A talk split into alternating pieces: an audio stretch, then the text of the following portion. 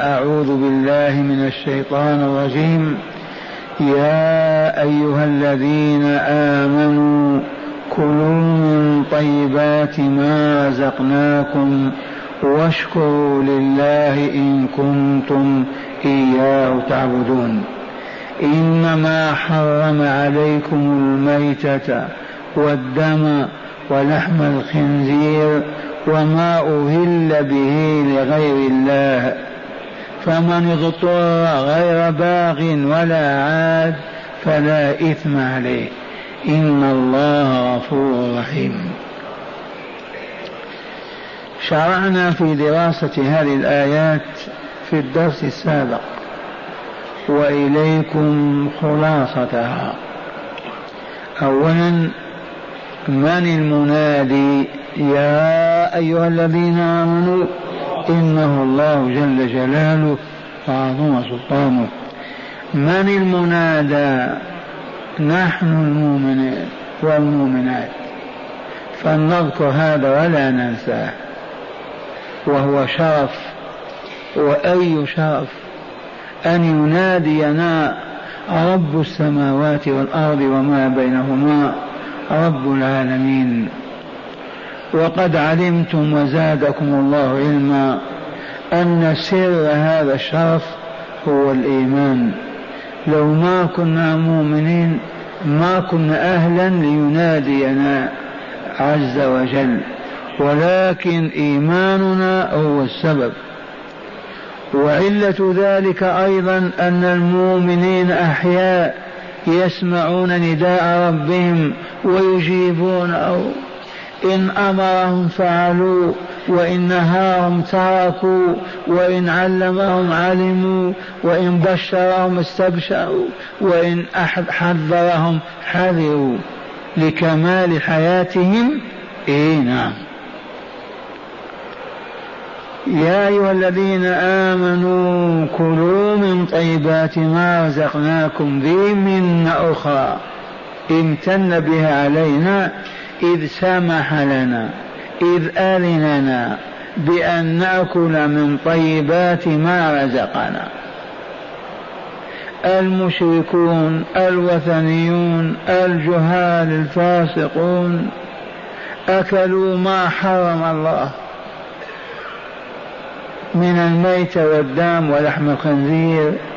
وما وضعوه لآلهتهم الباطلة وأوثانهم الملعونة وحرم عليهم مشايخهم ما أحل الله فحرموا السوائب والحامات وما إلى ذلك مما كان المشركون يحرمونه على أنفسهم. أما نحن المؤمنين فقد آمنا بالله وبلقائه وبكتابه الذي أنزله على رسوله وهو هذا الكتاب. فنحن آذن لنا بأن نأكل من الطيبات جمع طيب وهو ما كان حلالا غير مستغلل. الطيب ما كان حلالا. أي أذن الله لنا في أكله أو شربه وكان غير مستقذر ما في قذر ولا وسخ. لا بد من الجمع بين الحلية وبين الطيبوبة. فإن كان فيه أوساخ وقذر ما تأكل. إلا في حالة الضرورة كما سيأتي. كلوا من طيبات ما رزقناكم. من الرازق؟ وإياك أن يخطر ببالك أن هناك رازقا سوى الله. انتبه. فجميع المأكولات والمشروبات من خلقها؟ من أوجدها؟ من سخرنا لطلبها والحصول عليها من أذن لنا في تناولها إذا كل ذلك رزق الله.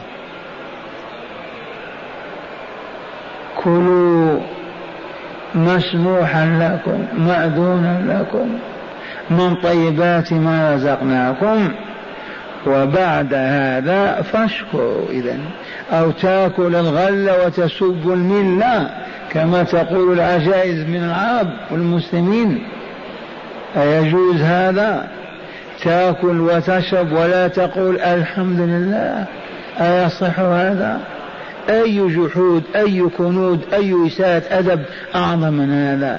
تجلس على مائدة أخيك فتاكل وتشرب بإذنه وبعد ذلك ولا شيء. هذا لن يصح عقلا أبدا. إذا فبما أنه أذن لنا فالطيبات التي رزقناها أمرنا بشكره. وقد عرفتم الشكر زادكم الله معرفة. ما الشكر؟ الشكر يتكون من ثلاثة. أولا من القلب. اعترف بقلبك بأن هذا الطعام أو الشراب أو الكساء أو المركوب أو المسكون هو من الله. ثانيا ترجم عن ذلك الذي وقع في قلبك ترجمه بكلمة الحمد لله. عندما تنظر إلى النعمة وتعرف أنها من الله والمنعم بها لا تجد بدا من أن تقول الحمد لله الحمد لله. أما الغافل الذي لا يعترف بالمنعم كيف يحمده إلا إذا قلد المؤمنين وكان يقول إذا فرغوا من الطعام قالوا الحمد لله. نحن لا نقلد. نحن أول ننظر إلى النعمة ومن أنعم بها علينا فنجد أنفسنا مضطرين إلى حمده وشكره والثناء عليه فلا نلبث أن نقول الحمد لله. وهكذا من أكل من شرب من لبس من ركب من من كل من حصلت له نعمة فليعترف بها في قلبه أولا ثم يعلن عنها بلسانه بكلمة الحمد لله. ثالثا أن يصرف تلك النعمة فيما من أجله أنعم الله تعالى به عليها. أنعم الله تعالى بها عليه. وهنا وقفنا وقفات. هل تذكرون منها؟ نريد الخلاصة. نعمة المال. شكر الله تعالى عليها ألا تنفق درهما واحدا ضد الله. ما معنى ضد الله بالعامية؟ معنى تنفقه لتعصيه به. أيعطيك السلاح لتضربه. فلا يحل لمؤمن ولا مؤمن أن ينفق درهما واحدا وهبه الله وأعطاه إياه في معصية الله. لا في خمر ولا زنا ولا لباس ولا سفر ولا ولا أنعم الله عليك بهذه النعمة أنفقها حيث أذن لك في إنفاقها أما أن تتحداه وتنفقها ضده وهو ساخط غير راضي أنت ماذا تريد؟ أن تحارب الله؟ ولولا حلمه لا سلبها فور إعطائك أو صرفك لا ضده. لكن كما سمعتم الصديق بالأمس رب ما أحلمك رب ما أحلمك رب ما أحلمك. هل فهم السامعون والسامعات؟ هل يجوز لمؤمن أو مؤمنة أن يشتري ما حرم الله ليلبس أو يركب أو يأكل؟ والله ما يجوز. ثانيا نعمة البدن. عرفنا أن بدنك أي صحتك نعمة جل وإلا لا. فلا تبدي الطاقة من طاقاتك في معصية الله. ولو أن تمشي خطوات إلى معصية. سمعك بصرك نطقك لسانك يداك رجلاك كل هذا نعمة الله عليك فإياك أن تنفقها في سخطه وعدم رضاه. ومعنى هذا فلا تمشي إلى باطل ولا إلى منكر ولا تسافر إليه ولا تنظر إلى محرم ولا تسمعه ولا تتكلم به ولا تتناول بيدك ولا تمشي له برجلك. قيدتنا يا شيخ. إيه نعم. نحن كما تعرفون وقف على الله. تعرفون الوقف ولا لا؟ عمار وقف. على طلبة العلم هل يجوز أن تنفق في غيرهم؟ وقف على المهاجرين هل يعطى مالها لغيرهم؟ وقف على مسجد هل يعطى لغير المسجد؟ ونحن وقف وإلا لا؟ من يذكرني بآية الوقف؟ قل إن صلاتي ونسكي ومحياي ومماتي لله رب العالمين لا شريك له وبذلك أمرت وأنا أول المسلمين هذا الأمر للرسول وأتباعه وراءه وإلا لا وقف. صحتنا وقف على الله. فالذي يبيت ساهرا أمام فيديو أو تلفاز من التلفاز الذي ينقل الباطل ويعرض الشر والسوء هل يجوز أن ينظر إليه؟ بعيني وهبه الله إياهما. هل يجوز أن يسمع الباطل والمنكر؟ وقد وهبه الله سمعه. هل يجوز أن يضيع الساعة والساعتين؟ بل ها الدقيقة والدقيقتين في غير خدمة الله وطاعته والله ما يجوز. إذا ماذا تريد منا يا شيخ؟ أريد منا أن نكون أولياء الله. وهل هناك مرتبة أسمى أو أعلى؟ آه نريد أن نكون أولياء الله. لا نأكل ولا نشرب ولا نسمع ولا ننظر ولا نأخذ ولا نعطي ولا ننام ولا نستيقظ ولا نأكل ولا نشرب إلا من اجلي ووفق مرادي. ومن زلت قدمه منا فغلط. استغفر وتاب وعاد إلى ربه. إلى متى؟ حتى تدق الساعة وننتقل إلى الملكوت الأعلى. إذا ونعمة العلم ونعمة العلم بما يكون شكرها بعد الاعتراف بها وحمد الله عليها يكون بالعمل بهذا العلم الذي علمك الله ثم بتعليمه سواك من عباد الله. اشكر هذه النعمة ولا تكفرها. أما عالم يعرف كل شيء ولم يعمل أي علم هذا؟ أجهل الخلق هو. يعمل ولا يعلم غيره ويجحد هذا العلم ويكتمه. هذا كفر هذه النعمة وما بينها وما شكر الله عليها. وبهذا ينتشر العلم بين المؤمنين والمؤمنات. من علم شيئا علمه غيره. إذا واشكروا لله لا لغيره إن كنتم إياه تعبدون. وقوله تعالى إن كنتم إياه تعبدون هذا تذكير أما أنكم تعبدون الله إذا فاشكروا على ما أولاكم ووهبكم وأعطاكم ولأن النعم كلها تدور على الذكر والشكر.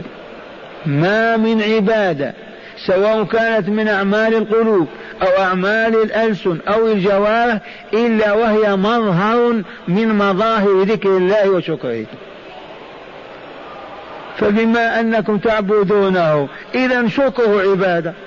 فكلوا من طيبات ما رزقكم واشكروا له. هذه النعم بذكره وصرف النعمة في مرضاته.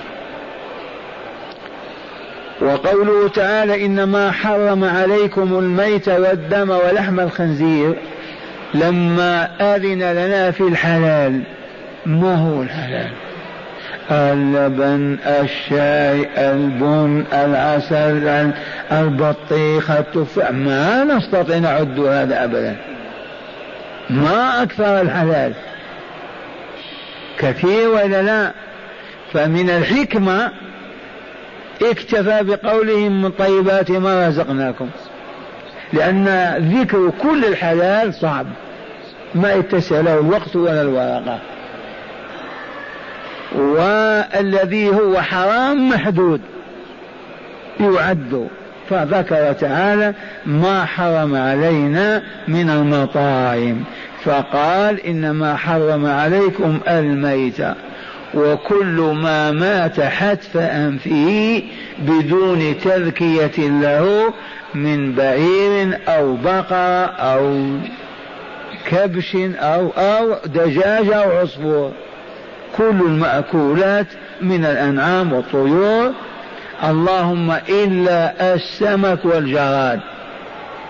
فميتة السمك أي الحوت وميتة الجراد أحلهم الله على لسان رسوله صلى الله عليه وسلم.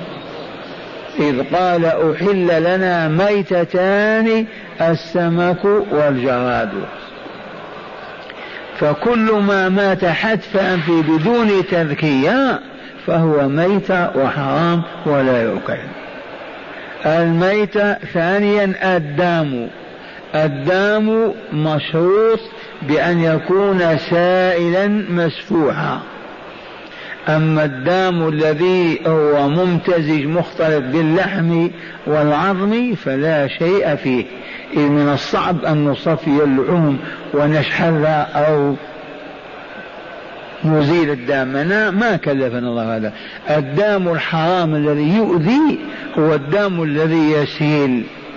لما يذبح الشاء أو يبقى البقرة أو البعير يجعل آنية ويجعل الدام ويطبخه هذا الدام حرام وعلة تحريمه ما فيه من الضار والأذى. والله إن فيه أذى وضرر. وإن أكله الكفار سمان الأجسام فهم لا يعترفون وإلا فهم يتأذون به. وسواء كان دام حيوان أو طير قال ولحم الخنزير. الخنزير حيوان معروف. من أخبث خنازير. هو ديوث الخنازير. تكلمنا الأسبوع الماضي عن هذا. عرفتم؟ لما ما نأكل لحم الخنزير؟ لأنه يورثنا الدياثة لأنه الحيوان الوحيد الذي لا يغار على أنثاه.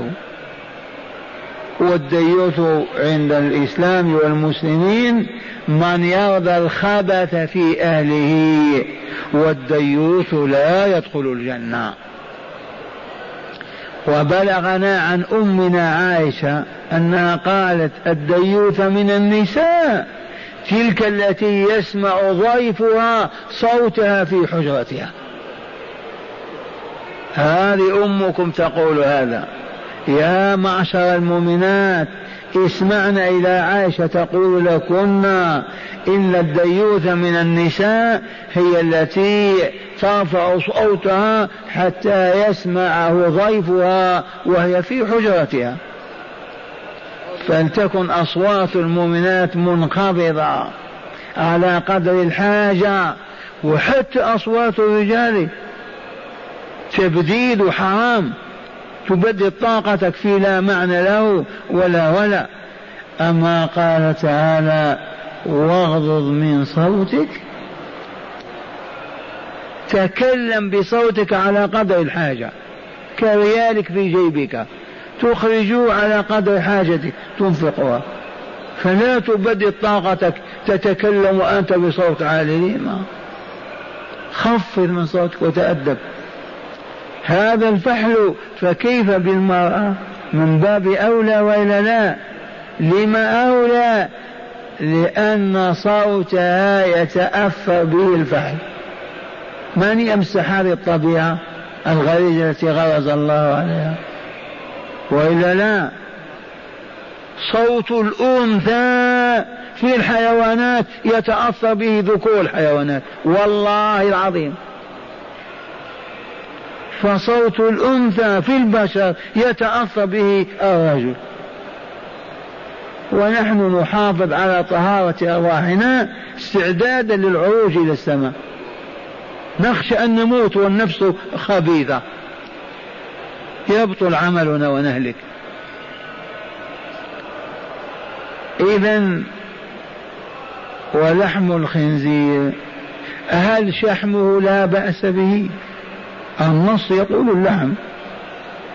الجواب كل أجزائه محرمة.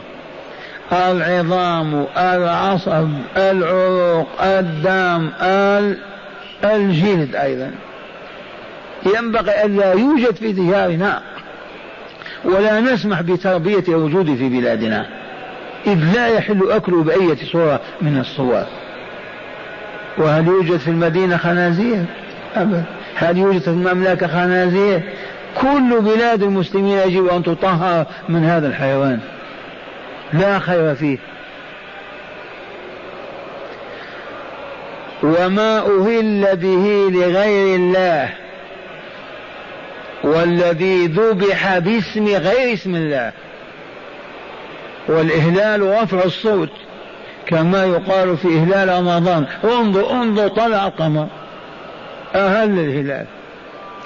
فالذي يذبح الشاء أو الطير أو العصفور ويقول باسم فلان هذا لا يؤكل ما دام بغير اسم الله. ولو كان سمينا نظيفا صالحا والتذكية جيدة وراقية ما دام ذكر اسمه غير اسم الله لا يحل أكله. حرام. لما؟ من يفسر لنا السر؟ نعم؟ لا. سر وراء هذا عرفناه بالأمس. ها؟ دعنا من الشرك نقول سر هذا. أيوة. نعم. تقدم الآن قلنا لما نشرب نقول بسم الله ولا لا؟ لما ناكل نقول بسم الله ولا لا؟ لولا إذنه لنا نفعل وقلنا لا يحل لرجل يشعل سيجارة ويقول بسم الله كاذب. أو يتناول خمر ويقول بسم الله كذب. أو يتناول محرم من ويقول بسم الله ما يجوز كذب على الله. فما دام تعالى قد حرم ما أهل لغير الله فكيف يأكله والله ما أذن فيه؟ هذا هذا سمي عليه آخر. إن كنت عبد هذا الذي سمي له نعم. ما أنت بعبده أنت عبد الله وهذه أمة الله. وما أهل به لغير الله إذ كانوا يقولون ألا بسم الله أو بالعزى أو منات أو ما كذا. ولما بعدنا عن القرآن ودراسته وما فيه وأصبحنا نقرأ على الموت فقط فعم الجهل العالم الإسلامي. أصبح المؤمنون والمؤمنات والعياذ بالله تعالى يذبحن لغير الله. شاة سيدي عبد القادر رجل سيدي البدوي. هذا شايف العالم الإسلامي. هو عند الذبح يقول بسم الله. ولكن لمن هذه؟ هذه لسيد فلان. حتى بلغ بنا الجهل والهبوط إن المرأة في القرية أيام كنا نستولد الدجاج من بيضه ونتركه لأمهاته. المرأة تضع تحت الدجاجة عشر بيضات. ثم تحلق على واحدة بالفحم تصير معلمة وتقول هذه بيضة سيدي عبد القادر. هذه بيضة سيدي مبروك سيدي البدوي. لم يا أمة حتى يحفظ الله هذه البيضات وتفقس عن فراخ ولا تفسد ولا تصاب بالمرج. إلى هذا الحد. ويغرس الرجل غرسا للزيتون منطقة كلها زيتون. يجعل فيها شجرة لسيد فلان وفلان باسمه. والله لا يغرسون النخيل. هذه نخلة سيد فلان. فهم يمشون وراء أهل الجاهلية خطوة بخطوة. ولا غرابة ولا عجب. من علمهم ما عرفوا. الشياطين تحسن وتزين وتعلم. والناس معرضون وغافلون وجهلاء. فلهذا إذا قيل هذه شاة سيد البدوي لا يحل لمؤمن أن يأكل منها قطعة لحم. قط. هذا العجل لمن؟ لفلان. لا يحل أبدا أن يأكل شيئا منه.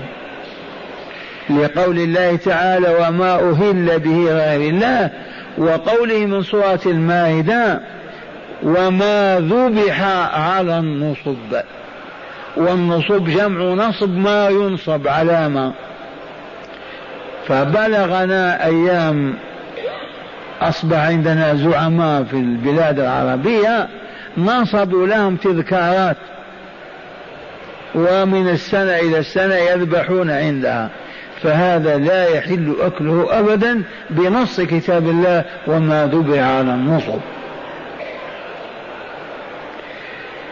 يبقى في آية المائدة ذكر تعالى فقال حرمت عليكم الميتة والدم ولحم الخنزير وما أهل لغير الله به والمنخنقة والموقوذة والمتردية والنطيحة وما أكل السبع إلا ما ذكيتم وما ذبح على النصب.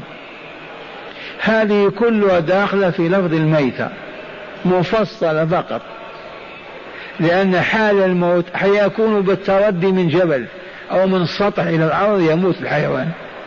أحيانا يكون موقوض بحصى أو بعصا فيموت. أحيانا يختنق بين شجرتين. تدخل رأس الشاة بين غصنين ما تستطيع تخرج رأسها. تموت. أو هي مربوطة بحبل فتحاول أن تطلق نفسها تختنق. فالموقوذة والمتردية والنطيحة تنطحها أختها بقرنها. فتقتلها.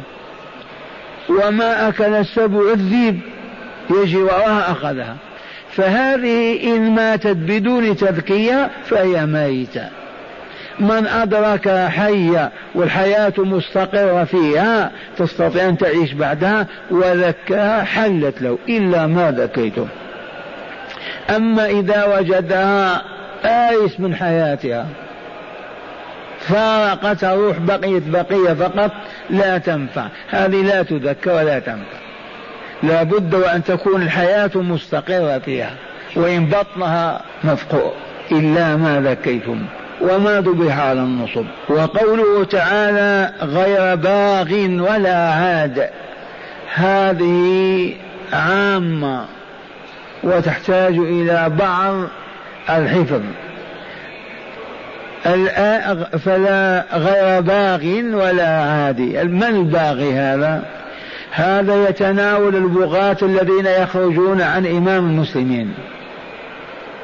البغي بغاة خرجوا عن الإمام وتحزبوا وتعصبوا بالجبال والطرق بل طبعا هم خارج البلد. هؤلاء إن جاعوا لا يأكلون الميتة ولا الدم ولحم الخنزير خلي يموتوا.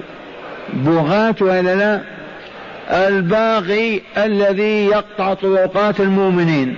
ما هو ضد الحكومة؟ فقط متسلط جبار يراعي المسافرين يستولي على ما عندهم ويقتلهم. هذا الذي في الطرقات و ويبغي على الناس يجوز له أن يأكل الحرام؟ ما يجوز. موته أولى ما يأذن الله له فيه.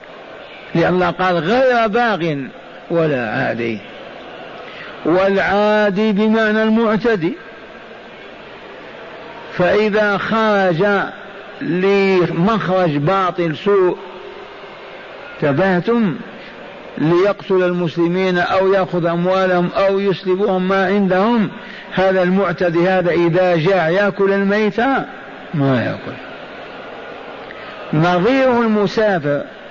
إذا سافر لمعصية الله سافر باغيا أو عاديا لا يحل أن يتيمم ولا أن ولا أن يجمع الصلاة أو يقصرها. لأن سفره حرام. لا يحل له ذلك السفر. ويدخل في غير باغي بمعنى يأكل فقط القدر الذي يسد رمقه ويقيم صلبه. ولا يشبع من الميتة أو الدم أو لحم الخنزير. فإن طلب ما هو زائد على حاجته بغى. كذلك الاعتداء. إذا كان في غير حاجة ماسة إلى أكل هذه الميتة. عنده حفن التمر عنده كذا. لما إذا يترك هذا ويعتدي ويأكل المحرم؟ ويدخل في الاعتداء أيضا أنه لا يشبع ويمتلي بطنه بالميتة أو بالمحرم لأنه يأكل بالقدر الذي يحفظ حياته ليذكر الله ويشكره. فلا بد من هذا الاستثناء غير باغ ولا عادي. ظالم معتدي متجاوز الحد. إلا أن مالكا رحمه الله يرى أنه إذا أكل لا بأس أن يشبع. لكن ليس رغبة في الأكل من هذا الحرام وإنما يعرف أن الطريق والمسافة بعيدة ولا يمكنه أن يواصل سفره فلهذا يأكل القدر الذي يستطيع أن يسافر به ويواصل سفره. كأنما استثنى الاعتداء من هذا. بل أجاز بعضهم أن يأخذ منه في راحلته لأنه يعلم أن الطريق بعيدة فيأخذ هذا الفخذ أو هذا الكلام من الشاء. لكن لا على نية يأكله إلا إذا خاف على نفسه الموت. لأنه لا يحل له أن يأكل مما حرم الله إلا إذا خاف الموت والهلاك على نفسه. لأن يأكل متلذذ به طالبا له. بل لا بد وأن يكون لا يأكل إلا حفاظا على حياته ليعبد الله ربه. هذا معنى قوله تعالى غير باغ ولا عاد فلا إثم عليه فإن كان باغيا أو عاديا عليه الإثم وحراما يأكل المحرم لا ميتة ولا دم ولا لحم خنزير. وعلل لذلك بقول إن الله غفور رحيم. غفور لمن تاب رحيم بعباده ولولا رحمته ما أذن لهم. لقال موتوا ولا تأكلوا.